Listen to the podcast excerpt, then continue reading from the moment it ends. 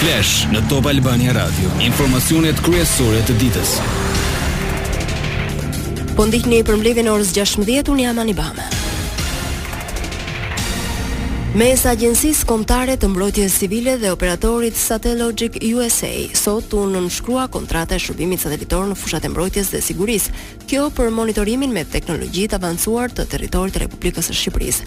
Kontrata ka vlerën 6 milionë dollarë dhe konsiston në përdorimin ekskluziv të dy satelitëve fillimisht për një periudhë trevjeçare. Ndërsa sot mes Agjencisë Kombëtare të Mbrojtjes Civile dhe operatorit Satellogic USA u nënshkrua kontrata 6 milionë dollarë e shërbimit satelitor, kryeministri Rama tha se me satelitët nuk do të ketë më mundësi të ndërtohen kate pa leje pa u vënë re në momentin kur sapo nisin, Po ashtu jepet mundësia të monitorojnë të gjitha të mbjellat. Ne do të krijojmë kështu një bazë të dhënash të rëndësishme që na japin mundësi për të bërë shumë analiza dhe në funksion të programimit për të nesërmen, për të parë në rastin e të mbjellave sasitë reale, për të parë të mbjellat e kulturave të ndryshme, zonat e kështu me radhë dhe për të bërë edhe konkluzione më të shpejta se sa nga mbledhja e të dhënave me sy. E njëjta gjë për plazhet, e njëjta gjë për pyjet. E njëjta gjë për lumenjtë. Shumë shpejt do të pasohen nga dronët e armatosur. Dronët të cilët me zhvillimet e reja ne e kemi vendosur t'i kompletojmë dhe t'i marrim dronë të armatosur. Natyrisht, dronët e armatosur janë për rast ekstrem kundër terrorizmit apo Një armiku potencial. Deputetja demokrate Jorida Tabaku akuzon kryeministrin Rama se i kërkon shqiptarëve të bëjnë sakrifica ndërkohë që vetë shpërdoron taksat. Në një postim në Twitter, Tabaku shkruan, "Çudi si na duhen 150 kilometra mbi tokë për të parë diçka që dallohet lehtësisht mes Tiranës. Justifikim cinik për tenderin me vlerë 5.7 milionë euro në këtë kohë kur i kërkon shqiptarëve sakrifica dhe vetë shpërdoron taksat e tyre." Lajmet në internet në adresën www.topalbaniaradio.com. Kryeministri Rama informoi se sot u firmos akti i parë i dorëzimit tek shteti i mbi 4000 metra katrorëve ndërtuar pa leje në kryeqytet. 4646 metra katror pa leje në mes të Tiranës i kalojnë shtetit me kontratë noteriale. E ky është vetëm akti i parë i marrjes për interes publik të pasurive në metra katror të paligjshëm që do pasohet nga të tjerë deri në metrin e fundit katror, tha Rama. Çmimet e banesave në vend shënuan rritje rekord në gjysmën e parë të vitit, sipas indeksit Fisher i llogaritur nga Banka e Shqipërisë. Rritja ishte me 28.4% në krahasim me gjashtëmujorin e kaluar dhe me 39% krahasuar me një vit më parë. Kjo është rritja më e lartë gjashtëmujore e këtij indeksi që prej vitit dy mijë e trembëdhjetë kur Banka e Shqipërisë nisi llogaritjen e tij. Rritja e gjashtëmujorit të parë të vitit u përcaktua sidomos nga ajo e vëllimit të shitjeve të kryera në Tiranë që përfshin qendrën, periferinë dhe zonat jashtë qytetit. Indeksi i çmimeve për shitjet në kryeqytet regjistroi një rritje prej njëzet e tetë pikë pesë përqind ndaj periudhës paraardhëse, dhe rreth dyzet për qind ndaj një viti më parë. Sipas BSH-së koha mesatare e shitjes së banesave në rang vendi ka rënë lehtë në një mesatare prej 10.8 muajsh. Lajme nga rajoni. Nën dyshimet për veprën penale të spiunazhit në Podgoricë u kryen kontrolle me kërkesë të Prokurorisë Speciale të Shtetit dhe urdhër të Gjykatës së Lartë. Policia bastisi banesa dhe të tjera hapësira në pronësi të disa qytetarëve për shkak të dyshimeve se u kryen veprat penale krijimi i organizatës kriminale dhe spiunazh. Për momentin nuk ka të arrestuar.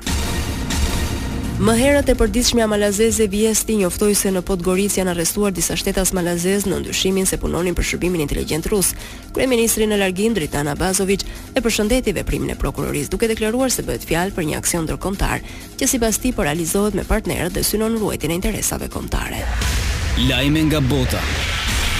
Nuk ka kthim pas për Rusinë, pas, refer pas referendumeve në katër rajone të Ukrainës me qëllim bashkimin e tyre me Rusinë dhe pjesëmarrjes së lartë të pretenduar nga Moska, Kremlini do t'i aneksojë formalisht. Zëdhënësi Peskov tha se ceremonia e nënshkrimit mbahet nesër. Në të do marrin pjesë presidenti Putin dhe udhëheqësit pro-rusë të Luhanskut, Donetskit, Hersonit dhe Zaporizhjes. Zyrtarët pro-rusë thonë se votuesit e mbështetën me shumicë votash bashkimin me Rusinë, por të ashtuquajturat referendume u hodhën poshtë nga Ukraina, qeveritë perëndimore dhe Kombet e Bashkuara duke cilësuar të paligjshme referuar ligjit ndërkombëtar. Të katër rajonet formojnë rrip të rëndësishëm tokësor mes Rusisë dhe Gadishullit të Krimesë, të cilin Moska e aneksoi nga Ukraina në vitin 2014. Garda bregdetare e Suedisë identifikoi rrjedhjen e katërt të gazit në Baltik. Në këtë det kalojnë tubacionet e gazsjellësit Nord Stream, që çon gazin natyror nga Rusia në Gjermani. Tre rrjedhje, dy në zonën e Danimarkës dhe një në të Suedisë, u zbuluan këtë javë në dy tubacione të mëdha ruse të Nord Stream-it.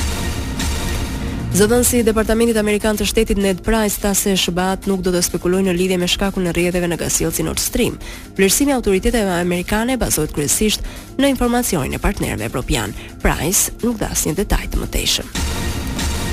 Në Francë, sindikatat bënë thirrje për greva kombëtare dhe protesta kundër rritjes së çmimeve dhe reformës së pensioneve të propozuar nga presidenti Emmanuel Macron. Transporti publik dhe shkollat do jenë fokus kryesor i grevave. Në Paris metroja duhet të funksiononte pa kufizime, por u njoftua ndërprerje.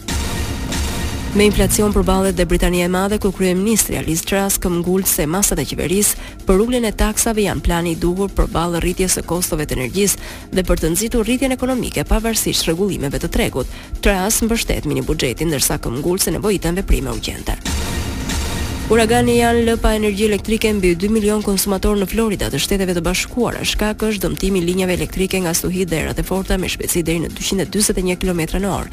Gradualisht, Ian është duke humbur forcën dhe tani po vlerësohet se ka rënë në kategorinë e parë nga ajo 4 që ishte fillimisht. Parashikimi i motit. Edhe në vijim vendi ynë do ndikohet nga masa ajrore të paqëndrueshme të lagështa. Moti është me vranësira mesatare dhe të dendura që shoqërohen me reshje shiu në veriperëndim dhe pjesërisht në zonën e qendrës. Temperaturat variojnë nga 13 në 26 gradë Celsius. Këtu kemi përfunduar mirudëgjofshim në edicionin e orës 17. Kjo është Top Albania Radio.